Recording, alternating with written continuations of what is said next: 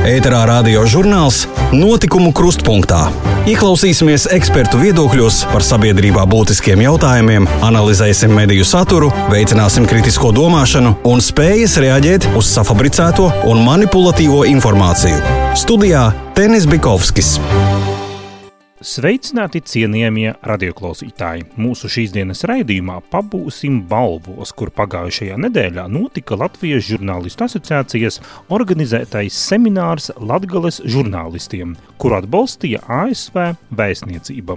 Sarunāsimies ar vienu no šī pasākuma rīkotājiem, reģionālā laikraksta neatkarīgās tukuma ziņas galveno redaktori un Latvijas žurnālistu asociācijas pārstāvi Ivonu Plaudi, kā arī balvu laikraksta vaduguns redaktoru Edgaru Gabranovu. Skaidrosim, ko viņi domā par reģionālos preses izdevumu nākotni Latvijā. Iepazīstināsim ar Tele2 sociālās kampaņas seko sev pētījumu par negatīviem komentāriem sociālajos tīklos. Analizēsim aktuālo situāciju Baltkrievijā, bet raidījumu sāksim ar jaunāko attīstību mūsu kaimiņu valstīs. Studijā Elīna Greidāne. Startautisko notikumu apskats - aktuālā attīstība mūsu kaimiņu valstīs.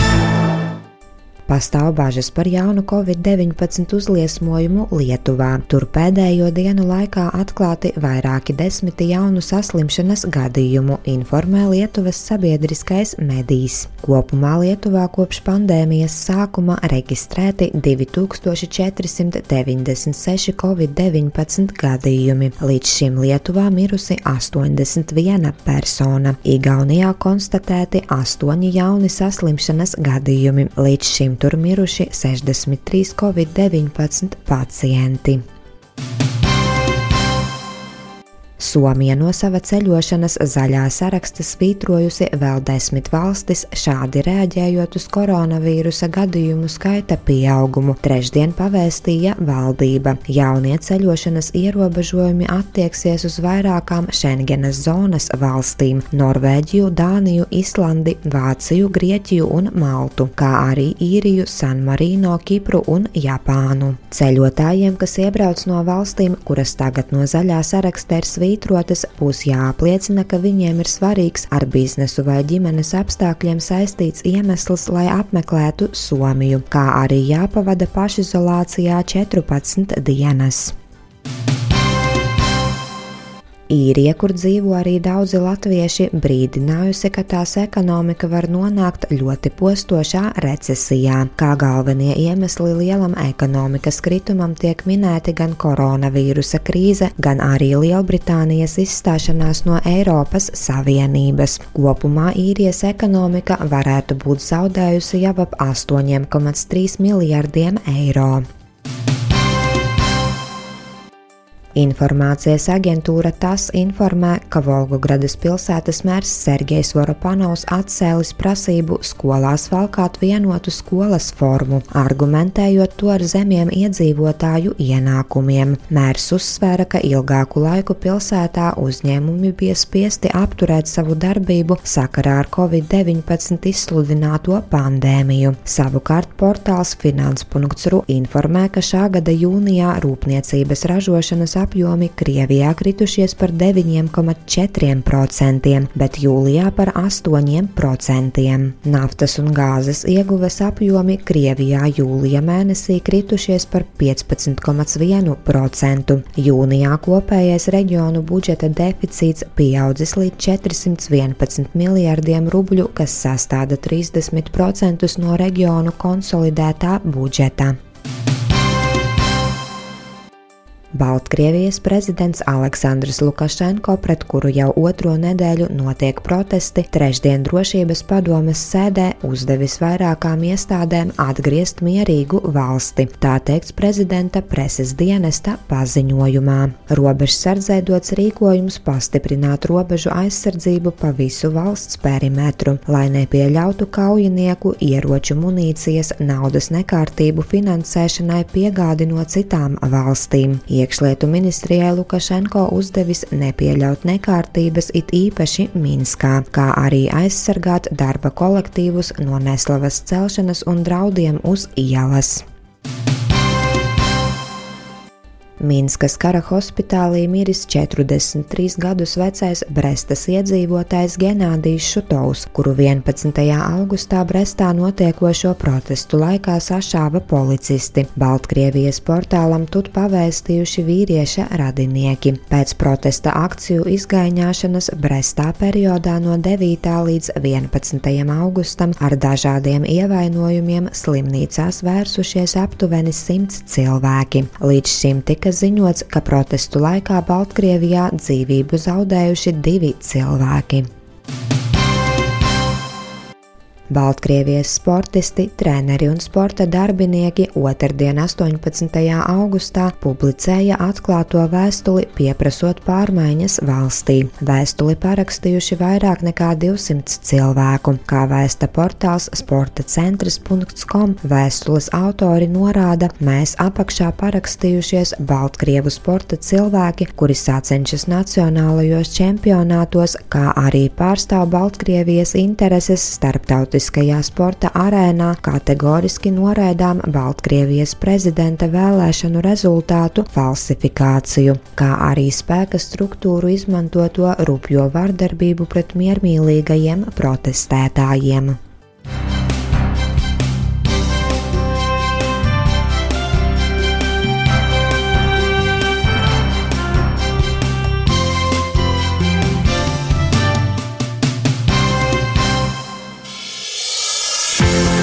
Ēterā radio žurnāls Notikumu krustpunktā.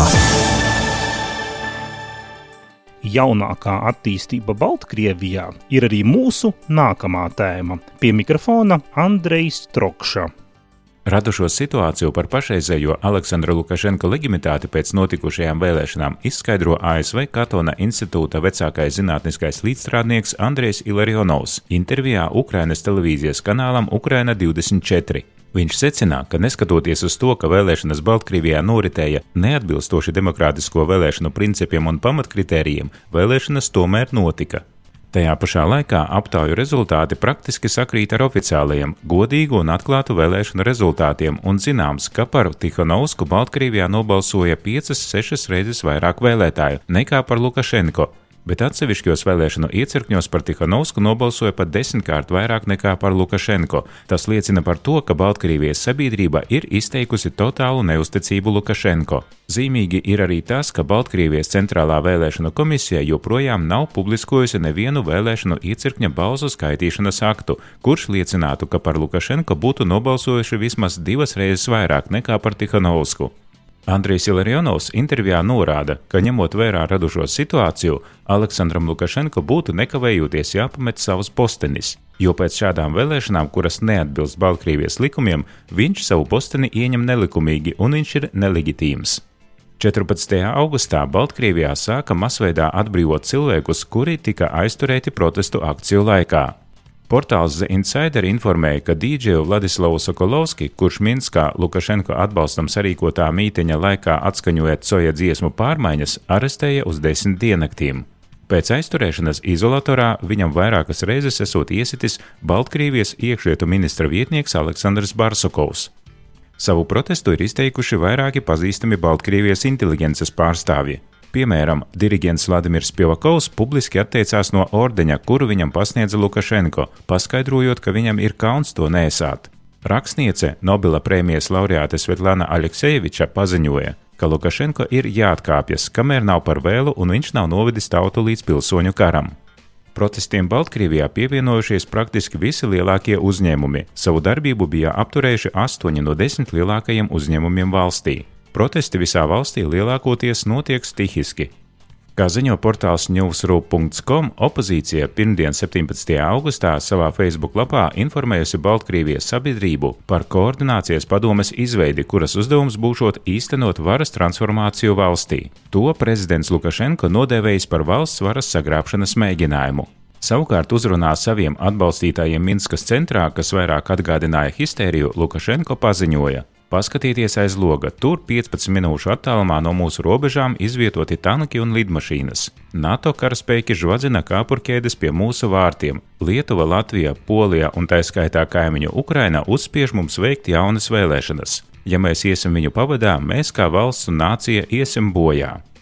16. augustā Krievijas prezidenta oficiālajā mājaslapā bija lasāms Lukašenko un Putina telefona sarunas oficiālais atreferējums, kurā teikts, ka abi prezidenti saskata ārvalstu spiedienu uz Baltkrieviju kā arī tas, ka nepieciešamības gadījumā Baltkrievijai tiks sniegta palīdzība saskaņā ar līgumu par kolektīvo drošību, kurš attiecas uz neatkarīgo valstu savienību. Jāatzīmē, ka līgums par kolektīvo drošību attiecas uz ārējiem draudiem, bet ne iekšpolitiskiem procesiem NVS valstīs. NATO ģenerālsekretārs Jens Stoltenbergs jau atbildējis, ka NATO rūpīgi seko notikumiem Baltkrievijā, bet nekādā veidā alianse neapdraud Baltkrieviju pašlaik grūti paredzēt turpmāko attīstības scenāriju. Atgādināsim, ka šī gada augusta sākumā intervijā Ukrainas žurnālistam Dmitrijam Gordonam Aleksandrs Lukašenko pavēstīja, ka gadījumā, ja viņš zaudēs vēlēšanas, viņš ne pie kādiem apstākļiem nemukšot no valsts, nemaz nerunājot par Maskavu, jo tur bez naudas nesot ko darīt. Thank you.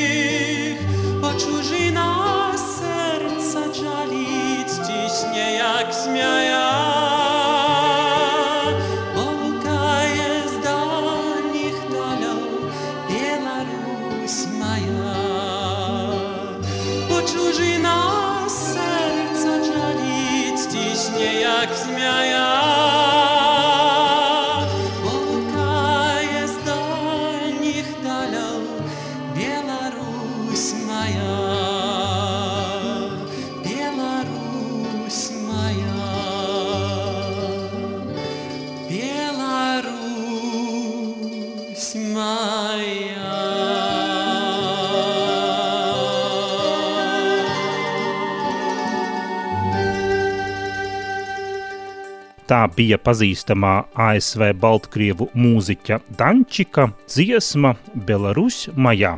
Bet tagad par attīstību mūsu pašu mājās mediju jomā.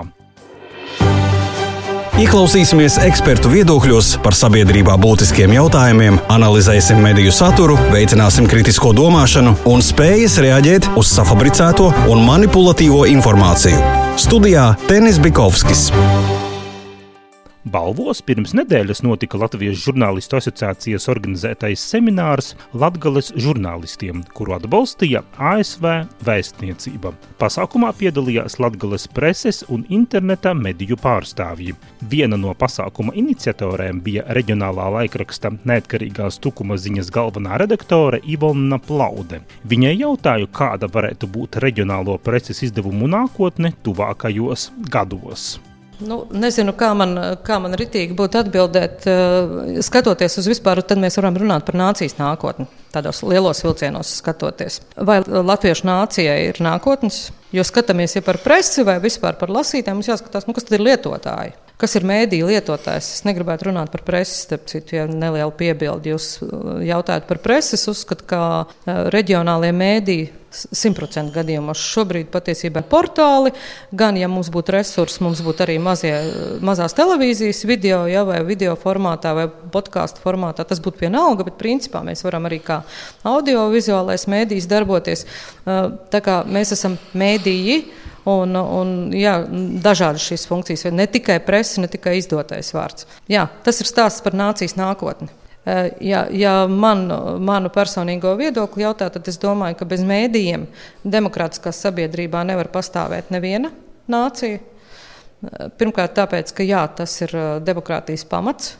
Neatkarīgs mēdījis, kvalitatīva, profesionāla žurnālistika, jo tas ir varas līdzsvarojošais elements. Nevar būt bez, šī viena, bez šīs vienas stabilitātes un, un demokrātijas kājas, nevar pastāvēt nu, mūsu izpratā demokrātiska valsts.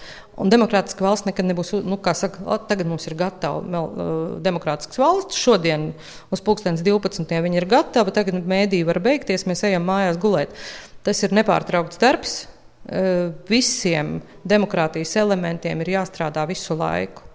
Nevar nevienu mirkli atslābt. Mēs nevaram teikt, ka tagad beigsies viens mēdījis, divi, trīs. Ehm, tātad, ja beigsies balvos neatkarīgais mēdījis, tad tur varam teikt, ka demokrātija ir beigusies. Manā izpratnē tieši tā ir jāskatās uz šo mēdīju jautājumu. Bet ar vienu piebildi. Mēdījis, eh, jūs zināt, ka mūsu šodienas diskusijas arī tādas ir, eh, ka ne jau katrs mēdījis. Un kas ir mēdījis šodien, par to arī ir jārunā. Esmu no tiem, kas saka, ka, nu, jūs zināt, ka tagad tā ļoti populārs viedoklis ir, ka patiesībā katrs tagad var būt žurnālists, ka ik viens, kas, kas kaut ko iestāsta Facebookā vai tur Instagramā bildīt ieliek, viņš jau ir žurnālists. Gal galā mums ir vispārēja vārda brīvība, katrs var radīt saturu, ja, un tātad, priekš kā mums mēdīja vajadzīgi, arī šāds viedoklis pastāv. Nu, tad nē, es domāju, ka tikai tas ir mēdījis, kurā ir vieta un iespēja strādāt profesionālam, godprātīgam, tātad ētiskās normas ievērojošam žurnālistam. Tikai tad tas ir mēdījis, jo tādā gadījumā mēs varam runāt arī kā žoga dēls. Arī. Nu, kāpēc ne mēdījis? Bet tomēr tā problēma ir tā, ka šos kvalitātes kritērijus, arī šos ētikas jautājumus daudzi neievēro. Zinām, ka ir daudz pirkta satura, zinām, ka ir pašvaldību ietekme, zinām, ka ir mediju īpašnieki, kuri negrib maksāt saviem darbiniekiem par saturu. Kā šīs akūtākās problēmas risināt? Vismaz pusi no tām, ko minēju, ir, ir tas, ka mums ir akūts līdzekļu trūkums. Nav stabils finansējuma pamats, ir kropļots tirgus, kurā mēs dzīvojam, un arī šī cīņa ir nepārtraukta. Viens, viens virziens ir tas, ko mēs varam darīt paši, un te ir stāsts gan par žurnālistu asociācija, kas savulaik tieši tāpēc ir, ir dibināta, nu, lai mēs dabonam savu tādu profesionāļu loku, lai, lai profesionālajā vidē dabūtu to sajūtu, ka, zini, būt uh, sivēnastem, ja, rakstīt sūdzības vai, vai rakstīt uh, nepārbaudītus faktus, publicēt un, un, vai nodarboties ar vēlno PR, ka tas ir neglīti. Ja. Ir jābūt, nu, ka tas, kā mēs redzam, ja ir kaut kas tāds, kas nu, tas vairs nav populārs, tas nav, nav forši, ja tas nav profesionālajai vidē atbilstoši. Ir jā, jābūt tai profesionālā vidē, ir jādabūna tā sajūta. Tas ir viens virziens. Ja? Tad žurnālistu asociācija tieši par žurnālistiem runājot, un mēdīja ētikas padomi ir tieši tāds pats precedents. Nu, manā izpratnē, vismaz es esmu dibinātājs šai organizācijai, ar tādu domu, lai mēs to kopējo vidi nu, paši radītu to iespēju ja, par to, nu, to saprāšanu savā vidē, ko nozīmē pieļaujami un ko nozīmē nepieļaujami mēdīņu ētikas vidē. Un tas, ko man ļoti gribējās dibināt šo organizāciju, lai mēs visi saprastu, ka jā, tā mēs visi darbojamies vienā lauciņā. Un, ja viens ir sivenaste, tad par cūkām sauks mūs visus, ja viens cūcīgi rīkosies. Ja. Bet runājot par šo digitālo tirgu, digitālo saturu arī, vai pārējot uz digitālo saturu, preses izdevumi vispār varētu izdzīvot? Mēdī šādā izskatā, jā, tā kā viņi tagad, lai, lai, lai pilnapjomu nu, spētu strādāt. Visus segmentus nosaka, kā mēs tagad nosacām. Ja, gan kultūras segmentu, gan šo te, nu, kopienas vidas uzturēšanu, gan kā vietējais mēdījis arī ir vietējais kronikas veidotājs. Ja. Lat, latviešu vai kā es gribētu arī latgaliešu valodas, un, nu, kur ir vietējā vēl krievu valoda. Tā ir vide, kurā dzīvo dzīvai valodai. Tas, ko es arī neteicu, ja mums ir nacionāla valsts, tad ir jābūt videi, kurā šai dzīvai valodai dzīvot. Es neredzu, ka digitālā šajā situācijā, kāda ir šobrīd likumdošana, kāda ir valsts atbalsts un valsts nostāja, nē, šajā brīdī mēdīs, nu, varbūt viens cilvēks. Ja? Es dibinu portālu un es saņemu, es dzīvoju kaut kur citur pelnu. Nu, pieņemsim, ja Egita būtu izveidojusi, nu, viens cilvēks ir izveidojis žurnālists ļoti aktīvs savu portālu, ļoti segmentēti, jā. Kaut kādu segmentu viņš spēja noklāt, viņš piedalās projektos, ja saņem atbalstu, var uz kādu laiku, bet tas nekad nebūs pilnapjoma mēdīs vai tādi mēdī. Tas noteikti būs gājiens, nu, desmitreiz tas ir kritums, vaiprātīgs kritums mēdī tirgu. Jūs vēl esat uh, inicējusi ideju, ka ir jāveido reģionālos mediju asociācija. Kāpēc šī ideja ko tā organizācija varētu darīt? Teksim, tā, tā nav mana, mana iniciatīva, bet eh, šobrīd, divu mēnešu laikā, kopš mēs tiekamies dažādās, dažādās teikt, eh, nu, kopās, reģionālo, reģionālo mediju kopās un arī semināros un tikšanās reizē gan ar prezidentu, gan šobrīd ar kultūras ministru šajās šodienas sarunā ar kultūras ministru padomnieku Jānu Lielpēteru, arī ar politologiem esam eh, runājuši šajā gadījumā, arī Vetu Kažoku. Viņi ir iedrošināti ierosinājuši veidot šādu biedrību, jo mēs redzam, ka citādi mūs nedzird.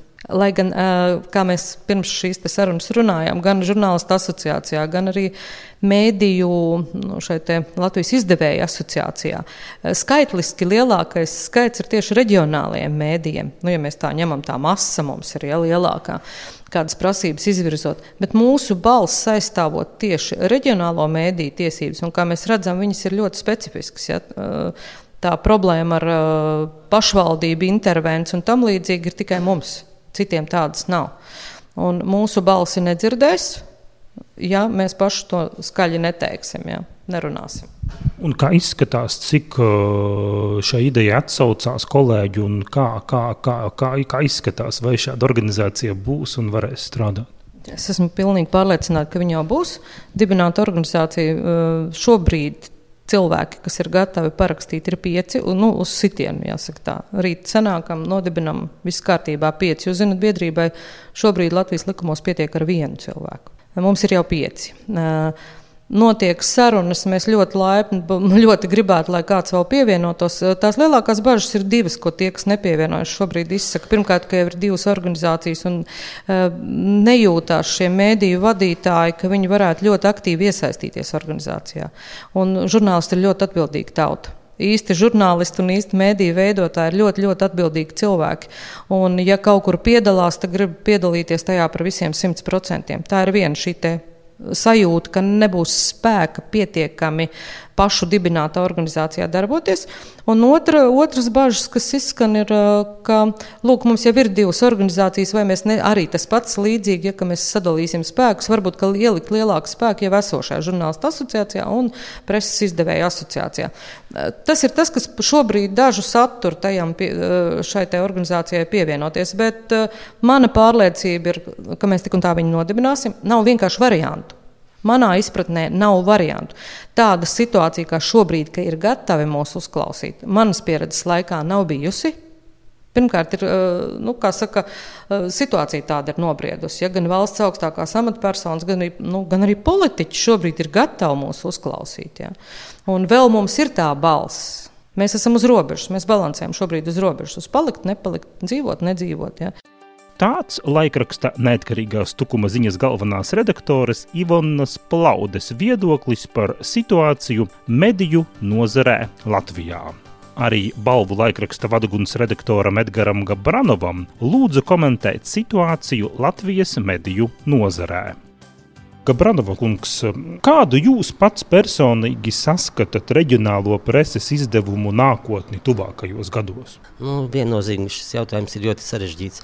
Jo šodien arī esot seminārā, mēs spriežam, raugāmies, meklējam kaut kādas risinājumus, kaut kādas receptes, kuras patiesībā nepastāv. Bet, jebkurā gadījumā, reģionālā presa nu, nenolīgsim iet uz leju, jo iedzīvotāju skaits samazinās, tur neko darīt nevar, un ar to ir jārēķinās. Kā mēs redzam, ir ļoti daudz instrumentu. Piemēram, kā mēs arī spriežam savā vidē, ka nav mediju politikas vispār mūsu valstī. Nav mediju atbalsta. Daudzās pasaules valstīs nu, vairāk vai mazāk tiek atbalstīta. Tas ir viens jautājums, tas ir nodokļi, tas, tas ir PVN nodoklis, samazinātais vai kāds tur būs. Tie jau ir kaut kādi trīs jautājumi. Un, protams, ir arī mājas uzdevums pašiem medijiem. Protams, ja tā pats paraugās, ka, ka tiek apspriesta kāda būs reģionālā reforma, ka mēs atgriežamies rajona robežās, kā, bet tāpat nu, ir speciālistu viedoklis, ka to avīžu ir par daudz, ir viedoklis, ka, ka nespēs apvienoties. Nu, pieņemsim, ka, ka gribētu kādu 3-4 laikraksti, lai, lai savus izdevumus samazinātu, lai mēģinātu kādu kompromisu rast. Tur ir tik daudz jautājumu, īpašnieku jautājums, darbinieku jautājums, tādu neskaitām jautājumus, kuru, diemžēl, atbildes man nav. Kādu jūs eh, vaduguns nākotni redzat tuvākajos gados? Nu, paldies Dievam, mums ir tāda vēl neliela rezerve. Nu, vismaz divus, trīs gadus mēs, mēs raugāmies nākotnē cerīgi. Mēs tieši šos divus, trīs gadus veltīsim tieši laiku meklējumiem. Jo arī ja, jauna, jaunie visi portāli un nu, tās visas jaunās modernās tehnoloģijas ir jāapgūst. Mums zināšana, diemžēl, nav. Mēs lielākā daļa žurnālisti ir pieraduši strādāt tādā vidē, kādā ir. Mācīsimies, meklēsim risinājumu. Bet uh, vadugunī šobrīd, nu, kuri ir tie izdzīvošanas mehānismi, ja tā pareikina par to, par to izdzīvošanu runājot, protams, nauda ir vajadzīga. Nu, kas ir tie lielākie ieņēmumi šobrīd avīzei? Tā ir reklāma, tas ir abonēšana, tā ir pirkšana, tie ir projekti. Man jāsaka, ļoti liels, liels paldies mūsu vidējās paudzes cilvēkiem, mūsu pensionāriem, kas pašlaik ir mūsu nu, vis, vislabākā vislabākais lasītājs, mūs, kas mums tieši abonē, arī pasūta. Paudze mainoties, nu, grūti pateikt, kā būs. Bet mēs, mēs cenšamies, mūsu tā politika, ka mēs ļoti daudz pievēršam uzmanības tieši arī jauniešu lapām, lai, lai parādās visu laiku pat visniecīgākie sporta panākumi, zīmēšana, nu, lai viņš pierot, tāpēc ir ar mums savs logo, lai, nu, lai tā būtu atpazīstamība. Nu, protams, te ir, kā, kā jau minēju, ir darbs sociālajos tīklos, lai, lai mēs nesēdētu rokas klēpī salikuši, jo žurnālisti žurnālisti jau pieraduši eh, rakstīt, rakstīt, rakstīt. Jāiemācās mums arī filmēt, likt Facebookā, kaut ko runāt. Kaut mēs runāt ļoti slikti, protams, bet centīsimies. Bet tie ienākumi vairāk ir no avīzē, arī vadugunī šeit balvos, no lasītājiem, no abonementiem, no, arī no pirkšanas, nevis no reklāmas. E, protams, lauvas tiesa ir tieši abonēšana.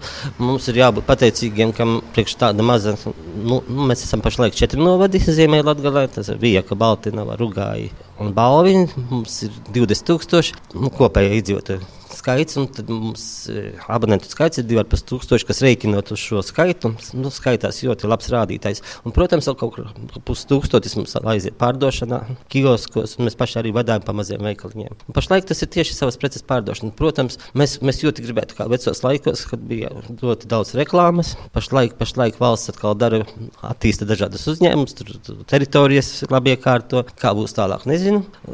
Neslēpšu cerību arī uz nākošu gada vēlēšanām. Uz politisko reklāmu. Pašlaik mēs tos izdevumus redzam ar to, ko mēs nu, abonējam, ko pārdodam, bet lai kaut ko uzkrātu atkal, nu, lai būtu kaut kādas e, spilvenes atkal nākošiem kādiem diviem, trim gadiem, neapšaubām tas būtu ļoti nozīmīgi. Bet vai tas būs vai nebūs, jo tā arī politiķi, kā jūs redzat, e, iz, izdod savas kaut kādas avīzes, reklamējas dažādos sociālos mēdījos. Un tas arī sava veida nu kā, zaudējams tirgu, bet, bet tā, ir mūsdienu situācija. Jūs tagad vaduguns liekat savu uh, saturu digitālā veidā. Mēs neliekam, mēs tikai ieliekam pirmo lapu lai, un, un anotācijas liekam, bet pilnībā nē.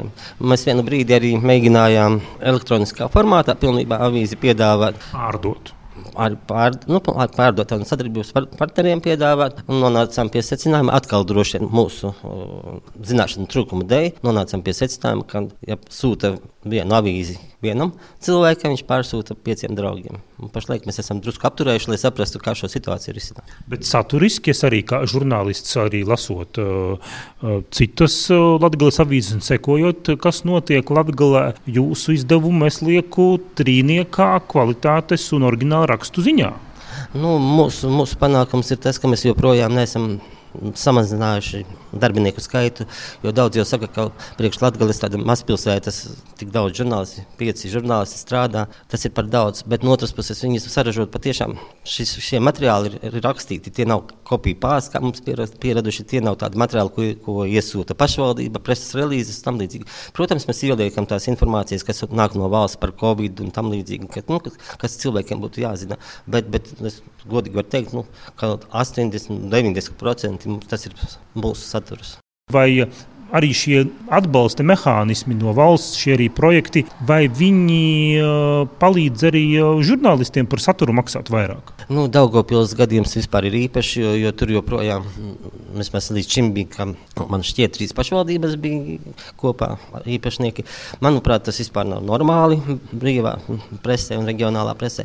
Saprotu, šo situāciju risina, nu, bet tur arī no katras redakcijas ir atkarīgs. Es uzskatu, ka, protams, valsts atbalsts šajos, kas ir pēdējos gados, MAF, tas ir Mēdīju atbalsta fonds, ir ļoti palīdzējis, jo mēs katru gadu realizējam kādus divus, nu, vienu, divus projektus obligāti un mēs piesaistām patiešām nu, priekš mums ļoti vērā ņemamas summas, kas ir ap 10 tūkstošiem.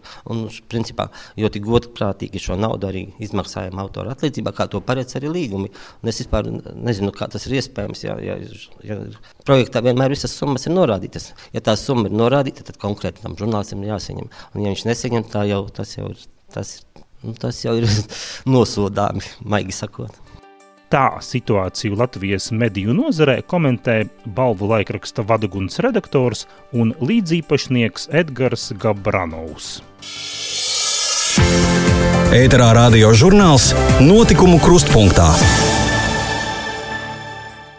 Ļoti daudz iedzīvotāji saskārušies ar negatīviem un lielākoties nepamatotiem komentāriem sociālajos tīklos. Ar mobilo sakaru operatora Tele2 sociālās kampaņas seko savu pētījumu iepazīstinās Elīna Greidāne. No pētījuma izriet, ka 47% aptaujāto iedzīvotāju ir saņēmuši negatīvus komentārus interneta vidē par sevi. Visvairāk negatīvos komentārus internetā saņēmuši jaunieši vecumā no 18 līdz 25 gadiem. Pētījumā noskaidrots, ka visbiežāk negatīvie komentāri tiek saņemti par politisko pārliecību 49%, par izskatu 47%, bet bet par seksuālo orientāciju 40%. Pētījumā 56% sieviešu uzskata, ka visvairāk negatīvie komentāri tiek saņemti par izskatu. Savukārt 54% vīriešu ir pārliecināti, ka visvairāk kritika tiek veltīta par politisko pārliecību. Savukārt jaunieši vecumā no 15 līdz 25 gadiem novērojuši, ka negatīvie komentāri visvairāk tiek saņemti par izskatu, seksuālo orientāciju, politisko un reliģisko pārliecību. Kā atklāts pētījumā, 76% iedzīvotāju visbiežāk sastopas ar negatīvajiem komentāriem sociālajos tīklos Facebook. YouTube ar negatīvajiem komentāriem saskaras 40% jauniešu un Instagram 47%. Tāpat pētījumā noskaidrots, ka negatīvo komentāru skaits internetā pēdējā gada laikā ir pieaudzis. Kā atzīst sociāla antropologs Klāvs Setlinieks, mūsdienu digitālā vide fundamentāli neko nav mainījusi, jo arī iepriekš vēsturiski ir notikusi aprunāšana un kritizēšana. Manuprāt, lielākā problēma, kas valda šodien, ir aprunāšana un kritizēšana ārpus konteksta. Iepriekš pirms interneta ērā faktiski neaprunāja nepazīstamus cilvēkus, vai arī, ja aprunāja, tad svešiniekiem bija vienalga, jo viņi nekad par to neuzzināja. Taču šobrīd daudzi kritizētāji var ērti uzbrukt ikvienam un darīt to anonīmi, vispār neko vairāk par konkrēto cilvēku neuzzinot. Tele2 komercdirektors Raivo Rosts sacīja, ka mēs vēlamies ar pozitīviem stāstiem iedrošināt jauniešus šos negatīvos komentārus ignorēt vai arī izmantot kā motivāciju turpināt un censties vēl vairāk. Tieši tādēļ kampaņas vadmotīvs ir seko sev, nevis komentāriem. Ēterā radio žurnāls Notikumu krustpunktā. Ar grupas bezpavien jaunāko dziesmu Atlaitu porodus šīs dienas raidījums izskan. Visu labu mūsu klausītājiem abos Daugavas krastos novēlu es Tenis Bikovskis. Uz sadzirdēšanos tepat radio viļņos jau nākošu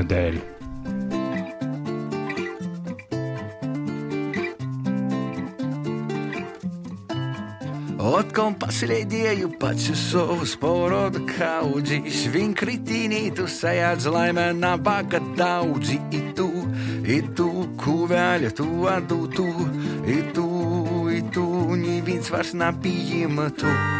Obeļniecom žīdu samputās vietas, dabas un gaisma kreit viņa rūkas atļaut, sponotīs zāns, nu dabas ir mācklīts. Saka, ka ņūmaņ var viņ palīdzēt. Divs tavs, divs dals, divs tu, divs tavs, divs dals, savoj tu. Divs tavs, divs dals, divs jū. Cik pats jau jimtu, i palīdzēji tu.